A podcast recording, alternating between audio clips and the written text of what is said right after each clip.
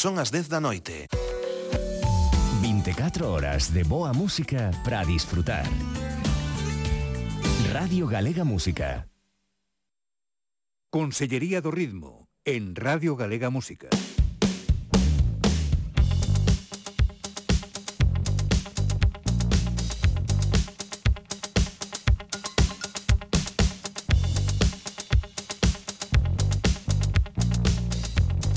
Tito Lesende.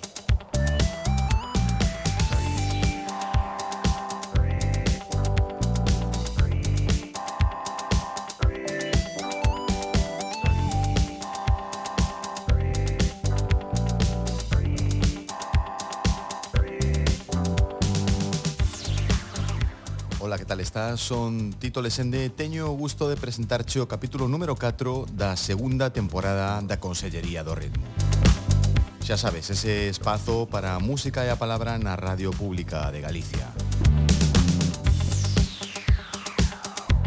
E hoxe recibimos na Consellería a Pauliña, un furacán, unha excelente conversadora e sobre todo unha desas artistas tan necesarias nunha escena musical, en fin, eh, aínda hoxe demasiado dominada polos homes. Three. Pauliña é unha moza de 25 anos, chega dende Cambados, fai vida en Santiago de Compostela, pero tamén decidiu de, eh, deixar pouso de unha maneira en Ourense ou mesmo en terras británicas. Ten un terceiro disco publicado por Xonix Records, Testemunhas, co que Pauliña enfoca a súa visión artística. Eh, bueno, mm, ese tamén pode ser un, un argumento para recibila aquí con moitísimo gusto na Consellería do Ritmo. e damoslle paso a nosa convidada precisamente cunha peza deste último disco. Este tema que leva o título bastante explícito de Non quero ser unha escrava.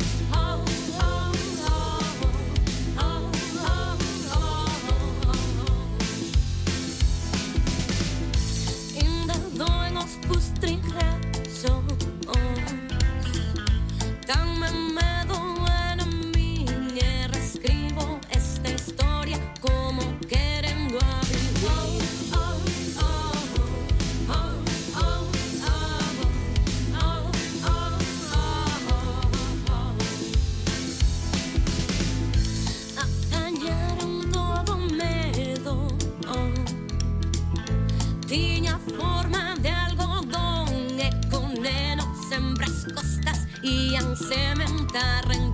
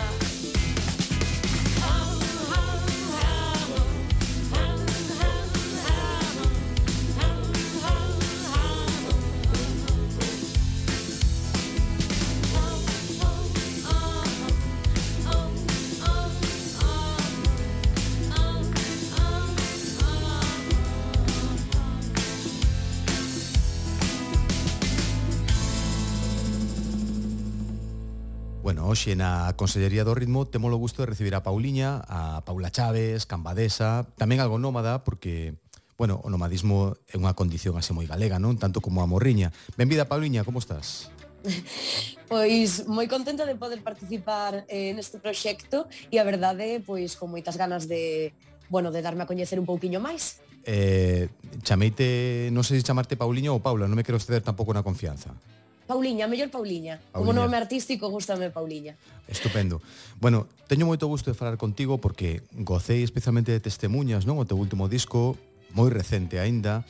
Eh, tamén porque te vin en concerto a principios deste verán eh, me pareceu que, que bueno, que a vosa proposta funciona ben por varios motivos pero en primeiro lugar por esa convicción que tes ti, non, para afrontar a túa interpretación, non? Porque parece que estás aí como enchufada desde o primeiro minuto, que non é doado, eh, e isto eh, acontece así sempre cando estás no escenario ou, ou ti es así de eléctrica en xeral, tamén cando baixes do escenario? Non sei se, bueno, estou entrando así na entrevista saco, eh?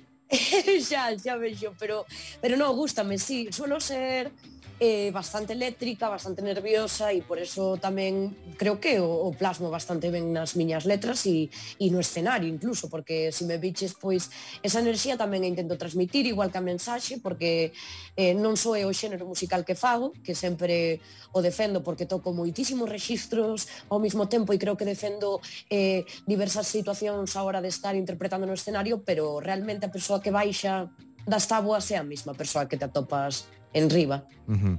Bueno, dicía antes que, claro, ti naciches en Cambados, apuntaches maneiras dende moi nova, teño entendido, pero cantos anos tiñas ti cando, por exemplo, non sei se si lembras, cando escribiches a tua primeira canción, non sei se si lembras iso hai poucas cousas que recorde da miña vida porque abusei moitísimo do alcohol, pero lembro eh, comezar eh, con 14 anos nunha bodeja en Barrantes que, que o meu entrenador de fútbol dábame clases, Manolo Abuín, e a raíz diso eu xa tiña algúns versos compostos porque gustaba moito ler poesía e gustaba moito, obviamente, os referentes do que tiña man naquela época, Rosalía, Celso Emilio, Lois Pereiro, e, e sempre compuxen, non? E no momento que collen a guitarra como que foi un desencadeante para para darlle voz e para darlle musicalidade a, a, eses, a eses poemas. E, e así foi, con catro acordes, eh, fun tirando, tirando, tirando, hasta que un día, eh, na bisbarra de Cambados, pois subín a, a un escenario e nunca máis baixei. Uh -huh. Pero bueno, primeiramente eu creo que o primeira vez que me subín un escenario foi en, en Compostela con Bituco. Sabes que falei con Bituco un cachiño, hai un cachiño antes de, antes de comezar esta conversa, e díxome Bituco, penso que a primeira vez, tal como me dixo ela, penso que a primeira vez que Pauliña eh, eh, digamos, eh, eh, se converteu en rockstar foi eh, cantando comigo o, o Where is my mind dos Pixies. Pois foi moi fermoso, lembro esa etapa moi fermosa, eu era moi nova, eh, tiña, bueno, como cando eres novo e, e, e moza, tes os míticos problemas de non saber o que queres, non saber o que buscas, tampouco si queres traballar, se non queres traballar, e andas un pouco nese limbo, e eu gracias as amizades que tiña ao redor, unha delas foi Bituco, atopeime, e atopeime na música, e atopeime no rock and roll en galego e, e nestas figuras, e foi unha versión do Where is my mind en Bertamiráns, no, no Bober Café, onde subín por primeira vez con Bituco, e a verdad é un xesto que agradezo moito mm, supoño, penso, non? Eh, ou sospeito que en xeral fuches moi precoz, non? Eh, tamén empezaches a traballar moi nova tamén, non só na música, non? Eh, se cadra é algo así bule bule son bule bule, eh, aparte tamén, bueno, as, as condicións familiares tamén se prestan para que unha rapaza teña que pois, ter os seus ingresos para poder vivir, o, o, o xeito da miña familia era bastante desestructurada, pero bueno, ao final todo, todo se encausa, como agora mesmo, Ajá. e tamén, como ves, tamén empecé a estudar tarde, porque eu necesito ter os obxectivos claros para poder realizar algo que me gusta. A música foi o primeiro obxectivo, e así me atopo. Bueno, gustoume que mencionaches a, a Lois Pereiro aí como unha influencia tamén eh, potente mm. nas túas nas túas dinámicas eh, porque comentaron neste neste programa os amigos dos músicos que Lois Pereiro probablemente sería o, o poeta máis punk. Hombre, eu creo que desde Lois Pereiro hubo bueno, actualmente creo que hai poetas tamén moi punks, como, bueno, Xela, que se lle otorgou as letras galegas este ano, pero tamén temos a Lupe Gómez, que para min coa súa pornografía, ese libro marcoume moito, uh -huh. e era moi cativa porque no 95, do mesmo ano que nacín eu, e xunto con, con Luis Pereiro por, como que foron creando ese vínculo de, de liberación, de, de protesta, de ver as cousas de outro xeito e de interesarte moito polo noso, pero desde outra perspectiva. Igual Celso Emilio, Rosalía, pois tiñan outra forma de ver o mundo, pero xa Lois era doutra xeración e, claro. e a realidade que nos, que nos fai beber é moi diferente, incluso García sí, do que aprendín moito, tamén ten Amores sangue en Chiapas, ese, claro. esa canción e ese poema de Lois que, que representa moitas cousas.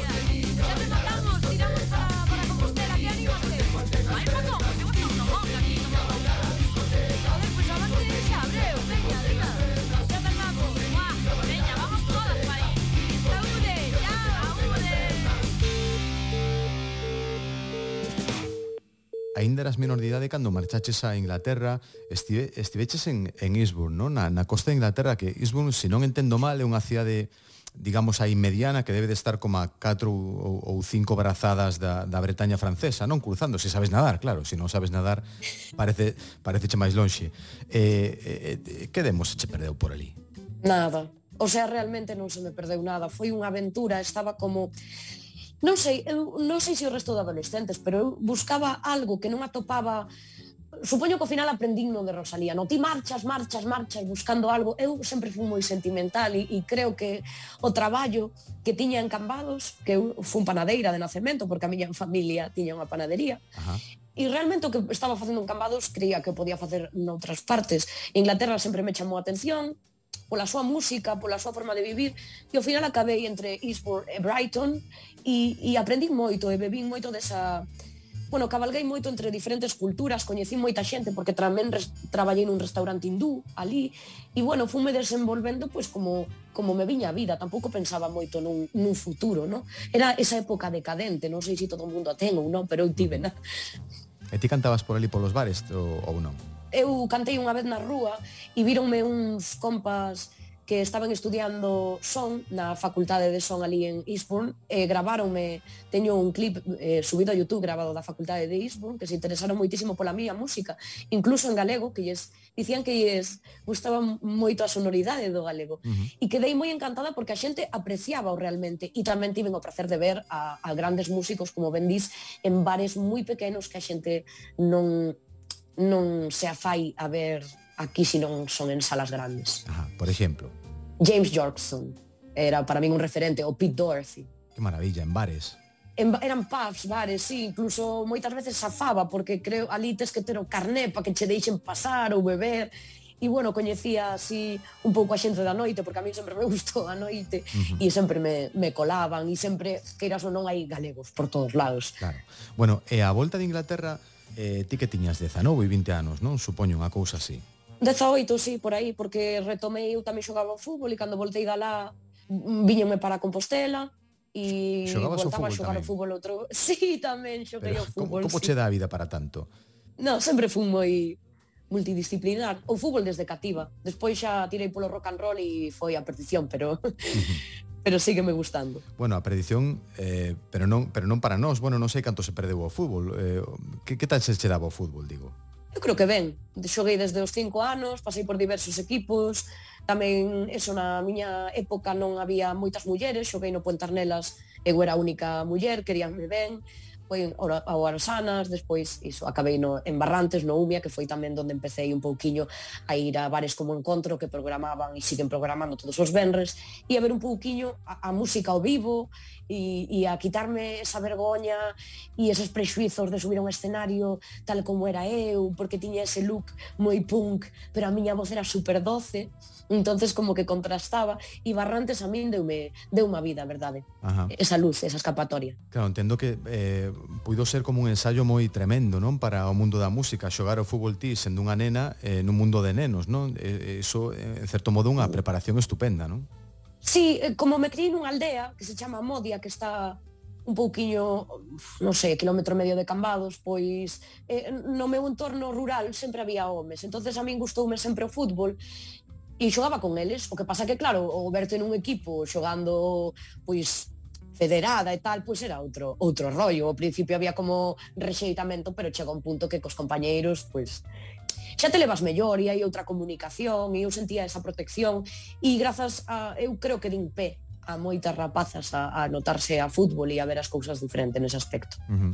Que guai. Bueno, eh, supoño que aí nesa volta de, de Inglaterra eh, foi cando ti te asentaches en Compostela e aí foi ese contacto con Bituco, aquilo do que, do que falábamos aí un cachiño, a canción dos Pixies, eh, todo iso, non? Ese contacto con Cenzar, con Nao, non? Foi nesa época, non? A volta de Inglaterra.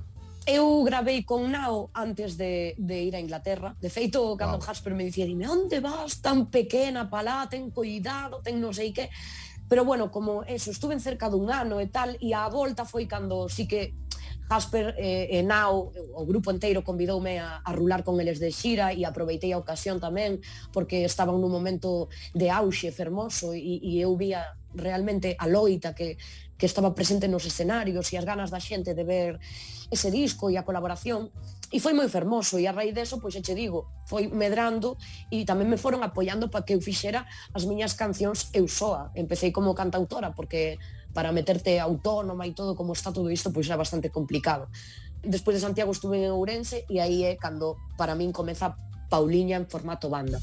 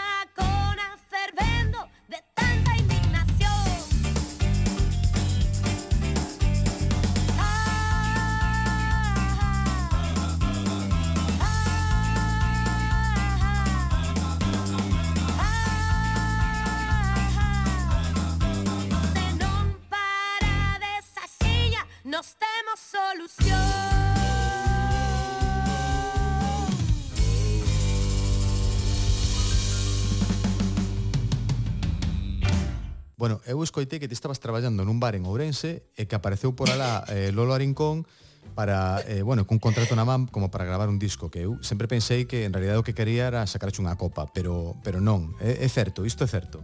Lolo eh, levaba moitísimo tempo eh, detrás miña, xa desde Santiago, xa vira os meus vídeos, porque eu gravaba na casa co, co teléfono e subía a YouTube e non me preocupaba moito do que, do que pasara, non? E na época que veu a buscarme a Ourense, eu obviamente precisaba os cartos para vivir e a música non dá de momento para para esa utopía que é a vida e poder vivir dignamente porque como dicía a miña compañeira Jaipau estamos precarizadas pero no momento que vin ese alento e esa confianza de que unha persoa dixera merece esa pena e merece a pena que isto saia a luz, no?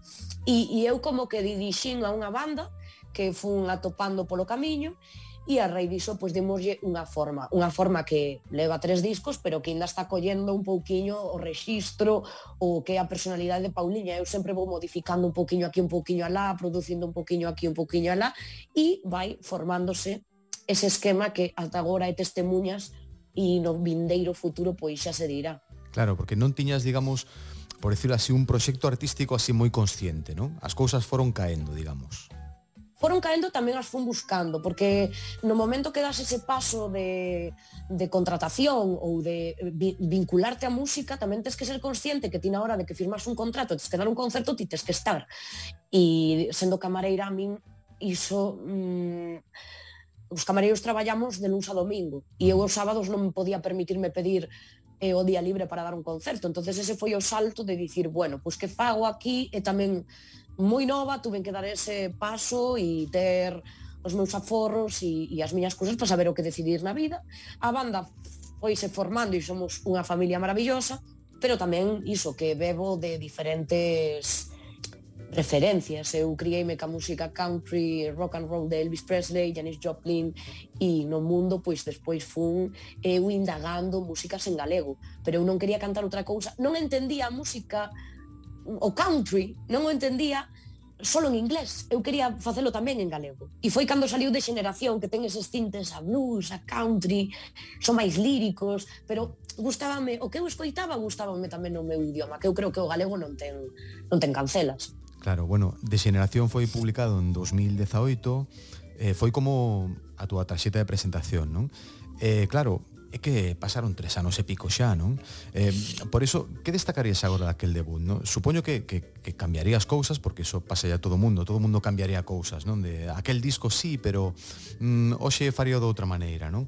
Eh, pero que supón hoxe ese disco para ti? Eu na, na perspectiva na que me sinto agora e, e creo que madurei bastante, todos e todas maduramos moito desde o primeiro traballo, pero Nunca te arrepintes, realmente o que diste, cambiarías algunha cousa? Sí, eu quizáis o que cambiaría sería non abrirme tanto, porque eu creo que a xente que me coñecía puido entender as letras, non? Agora como que camuflo máis todo e independentemente de ser máis directa ou non, eh, xa tiro máis a mensaxe e se quero dicir algo, digo de outro xeito, máis cabreada. Antes como que me afectaba todo máis e necesitaba expresar toda esa sensibilidade en forma de música e saliu de xeneración. E, e bueno, obviamente melloras desde o primeiro disco hasta o último hai moitísimas e espero ter moitísimas máis pero non me arrepinto, creo que unha Pauliña que estaba aí moi frágil e, e moi nena e creo que é unha carta de presentación de, de unha adolescente que tiña moitas ganas.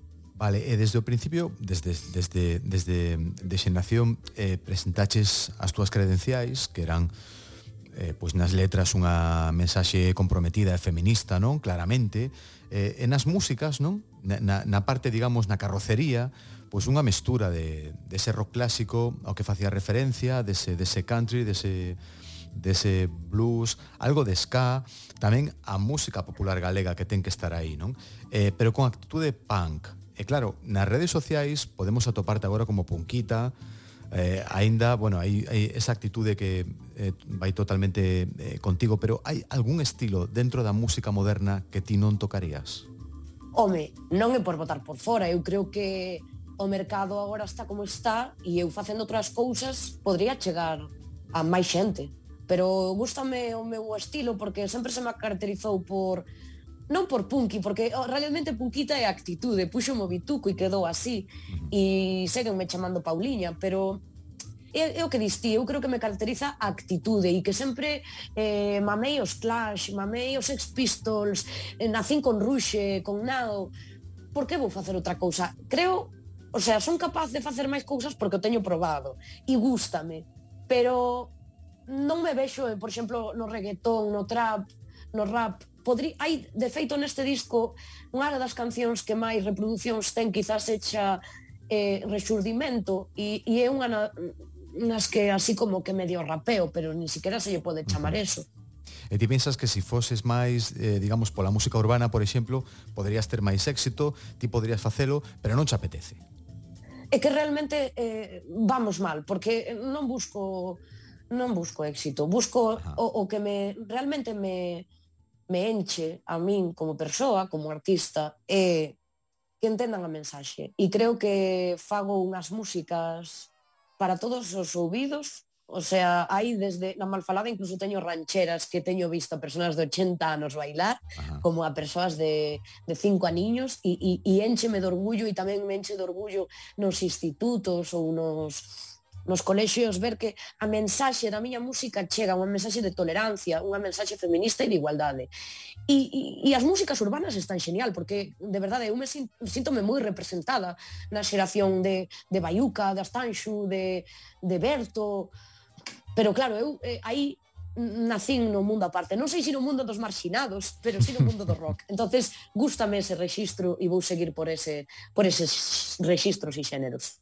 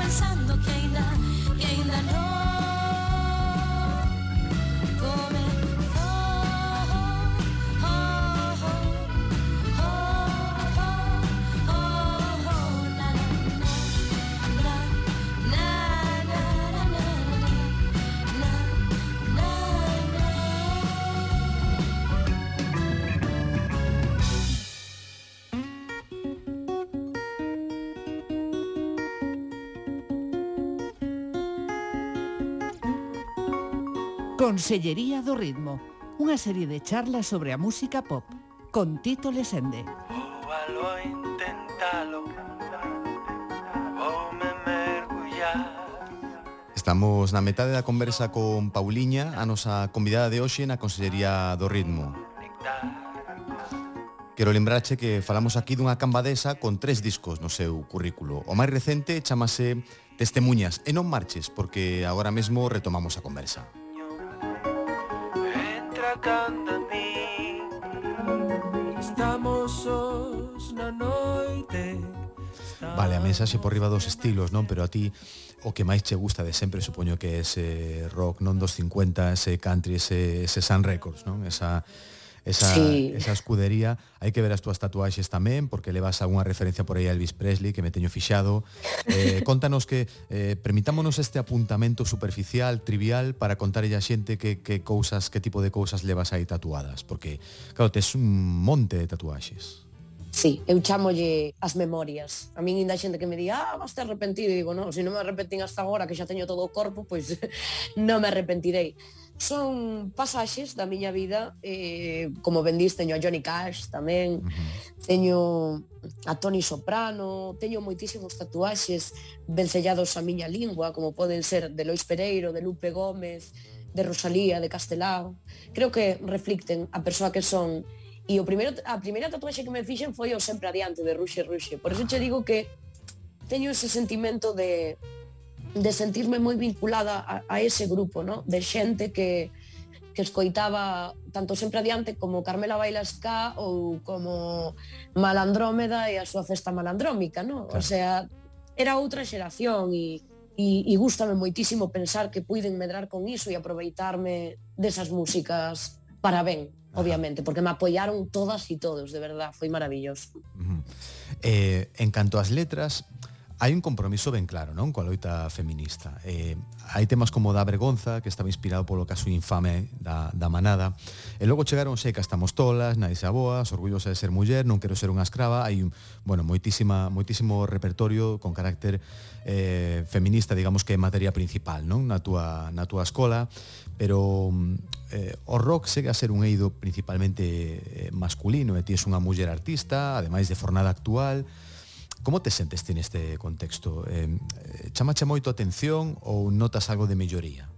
Eu cada vez que vou polos sitios ou subo un escenario ou vexome con compas, sempre digo, necesitamos máis, cantas máis sexamos en riba das táboas, cantas máis sexamos poetas, cantas máis sexamos escritoras, cantas máis sexamos músicas, cantas máis sexamos cineastas, mellor, sempre vai vir ben para a Galiza e para a cultura, tanto en feminino como en masculino, porque eu creo que si sí hai apoio do, do sector masculino ás músicas en feminino, pero o que ten que haber tamén é eh, apoio por parte das administracións e apoio por parte do audiovisual e apoio por parte dos medios de comunicación, que creo que se está un pouquiño deixando de lado, pero bueno, non me vou meter nese aspecto.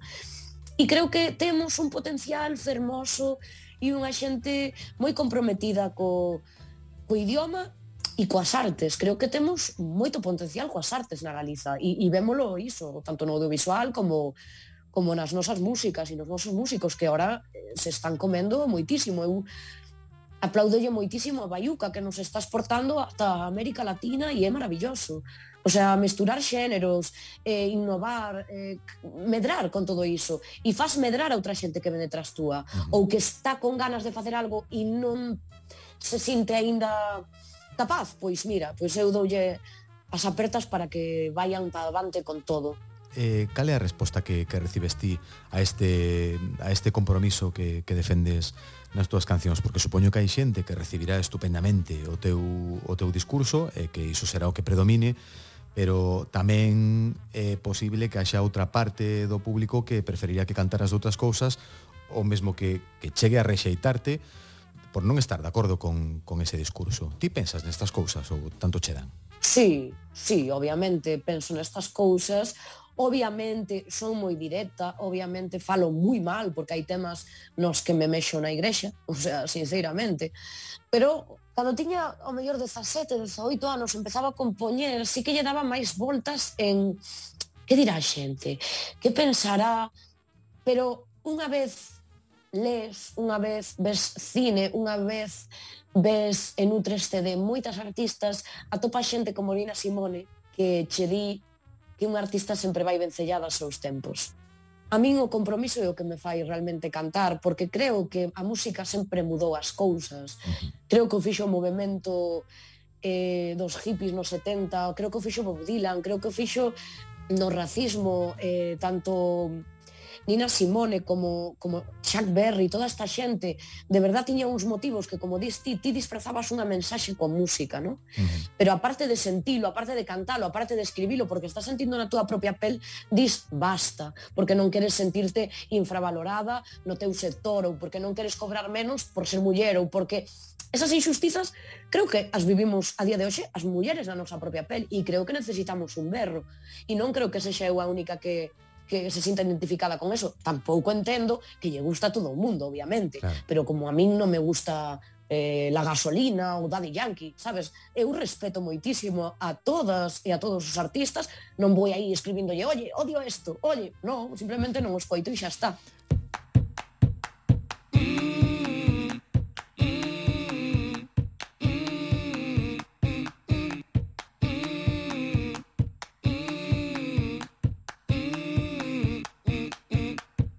Que non hai que ir tan lonxe Sei capaz aquí Que comenzan a ter medo se colgamos lo mandil. Nos rebeldes e insumisas. Imos mudando co tempo. Tanta lei conservadora que nos quixo oprimir Hola snacks, hola sabor.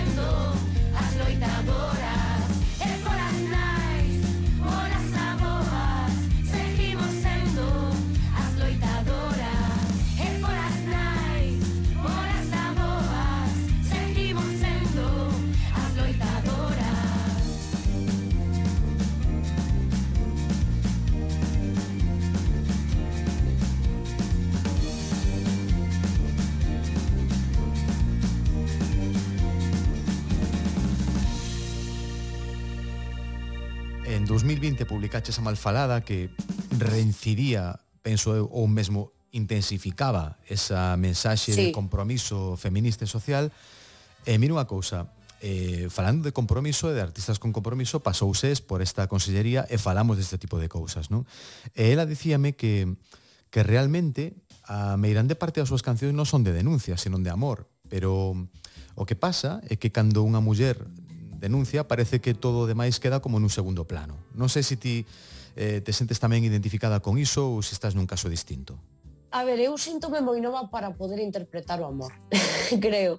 Creo que me queda moitísima traxectoria para poder entender o que é o amor e primeiro debo sacarme a raiva. O sea, eu creo que primeiro necesito ese, ese exercicio de sacarme a raiva, a tristura, e, e a soidade. E creo que é un exercicio que estou conseguindo e que me levará moitísimos anos. Como ben che dixen, eu son unha persoa que con 25 anos moi nova che estou falando de que tuve problemas de, de alcoholismo e, e, e enfrontarme a iso é darse contra unha parede moi grande e teño que quitar moitas moitas estigmas mentais que, que teño, no? E despois atoparei o amor. Pero ese amor tan característico co que te escondes detrás dunha letra eu quero poder chegar a iso. Pareceme tremendo todo isto porque con 25 anos que tes asumes eh, o alcoholismo, pero o raro é que moita xente de moito menos de 25 anos asume o amor. E ti, eh, digamos, tes a valentía de asumir o alcoholismo, pero non o amor. E dis que es moi nova como para poder interpretar o amor correctamente. É unha, unha postura totalmente insólita pode ser. Non sei, o amor ensínanos de pequenos e de pequenas o que o amor, o amor dunha nai, o amor dun pai, ensínanos eh, a poesía, ensínanos o que o amor.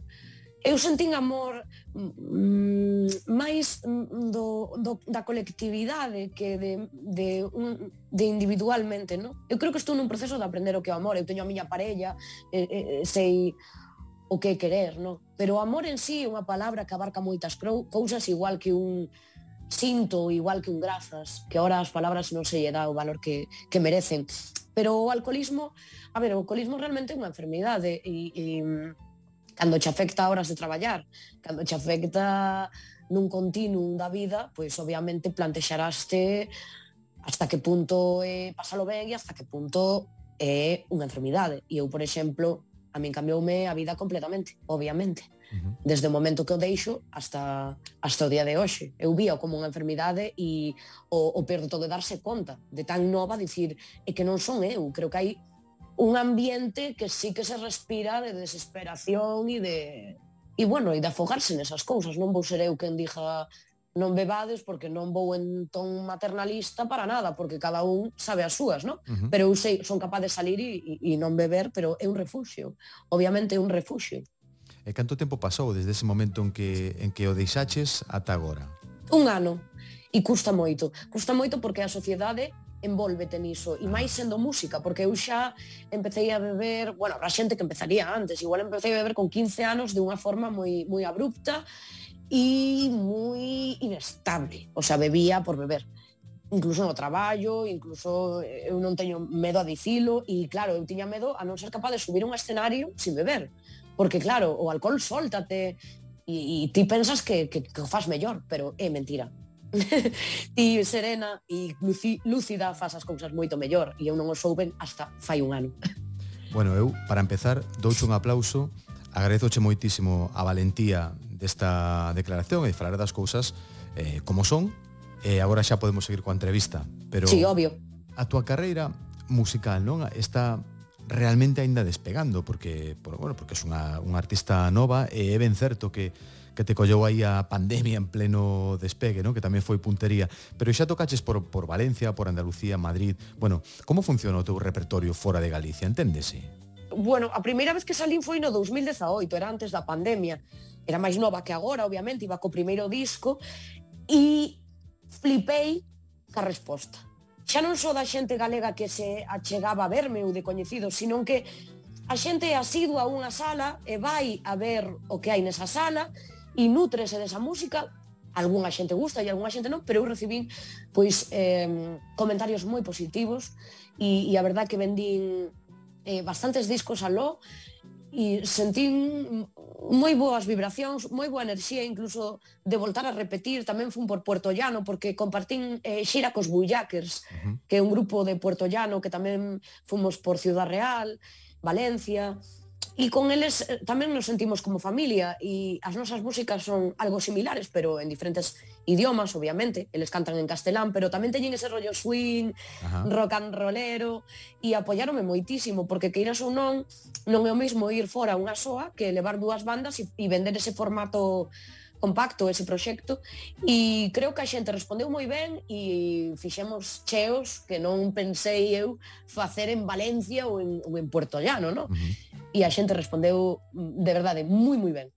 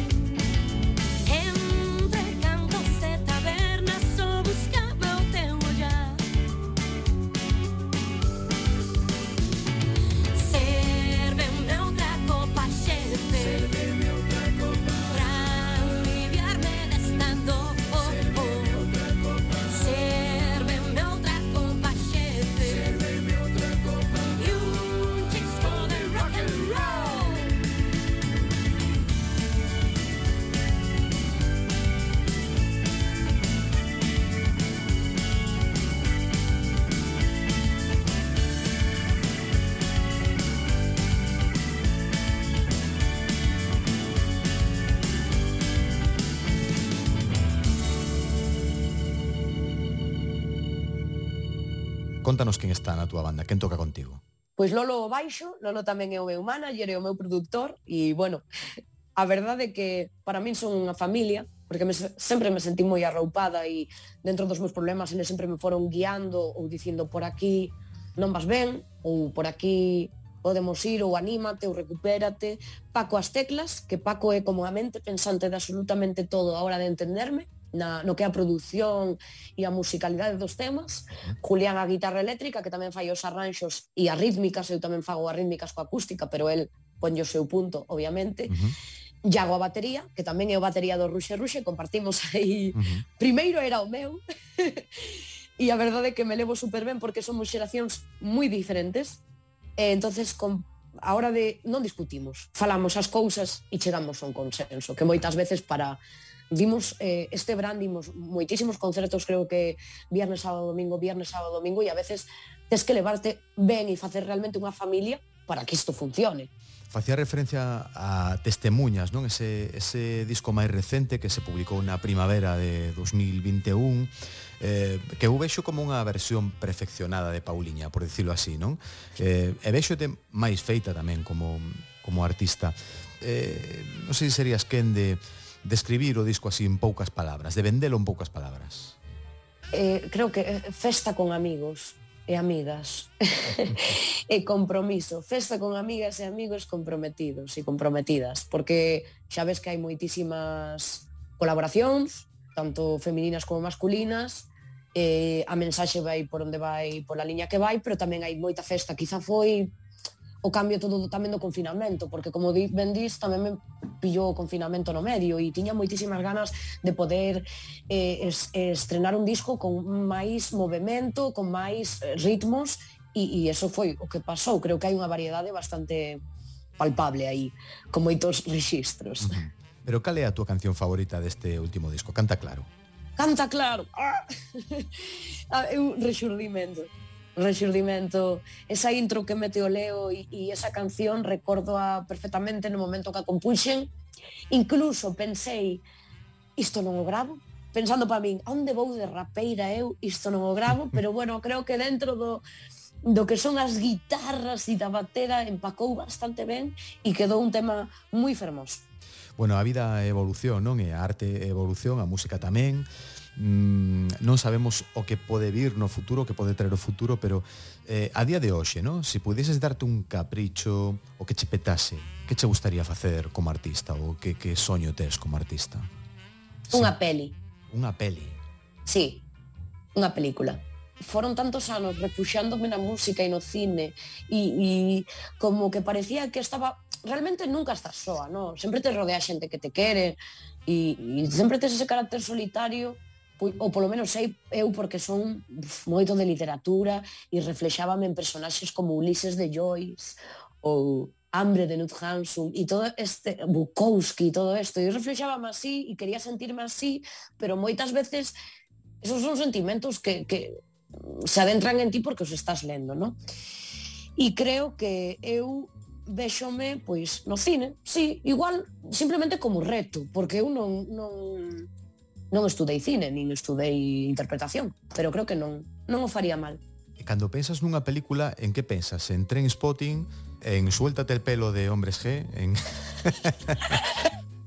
No, a ver, é que o, o, eh, o drama, o gustame tanto o cine e tantos xéneros, quizá A ver, o meu xénero preferido é o terror, pero creo que sabría interpretar un drama ou non sei, gústame, gústame moito o cine. O blanco, o cine en blanco e negro, Ajá. encantaríame. Unha peli de terror en branco e negro con Pauliña.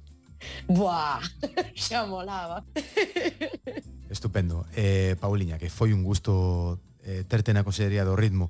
Eh, quero, quero agradecerche, antes de despedir a conversa, eh, a túa atención, e sobre todo agradezo o teu discurso, porque bueno, o discurso é o sustento fundamental de, de, de calquer artista, non? Ese compromiso con contigo mesma non é o que é o que define o que caracteriza un artista. Eh, a fin de contas é o único que non che poden quitar, non? Quero dicir que pode ser fiel a un estilo de música ou a varios, eh, iso non parece tan importante, pero o fundamental é guardar unha, unha certa fidelidade a ti mesma e, e ademais no teu caso pois elevar a voz, e traernos unha, unha mensaxe necesaria, unha mensaxe eh, feminista que, que, bueno, que entendo que algunhas persoas se tedes a oportunidade de falar para un público, pois que está ben que aproveitedes para, para facer rock and roll, pero tamén eh, para falar das cousas que importan. Así que grazas, Pauliña. Moitísimas grazas por invitarme, Tito, e, e un saúdo a toda esa xintiña que nos escoita e, e que me sigue e que siga o programa e a seguir medrando porque isto fai moita falta. Bueno, estaremos atentos dende, dende a Consellería do Ritmo. e espero que teñas o maior éxito, compañera. Un bico grande. Moitísimas grazas. Un bicazo.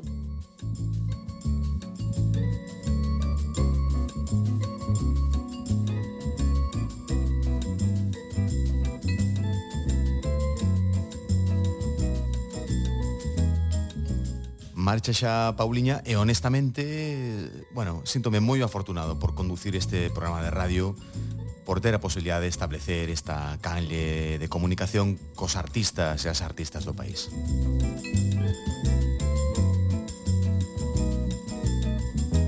No primeiro programa desta segunda temporada, Iván Ferreiro estivo inmenso. Falou galego por primeira vez, falou nos dos seus inicios na música, desa xente que lle cae ben, tamén da xente que odia.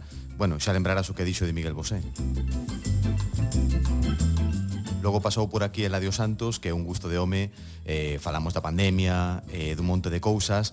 Eh, a semana pasada recibimos a Adrián Costa, con tantas vivencias, con tantos grandes músicos en Galicia, en Berlín, nos Estados Unidos...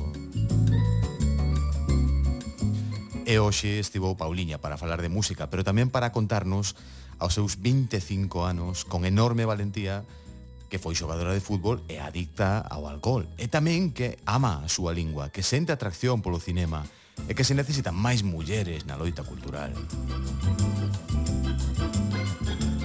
Síntome super agradecido a Pauliña pola súa xenerosidade e tamén a toda a xente da música que pasa por esta consellería para facer deste programa de radio algo interesante. A Vitoria.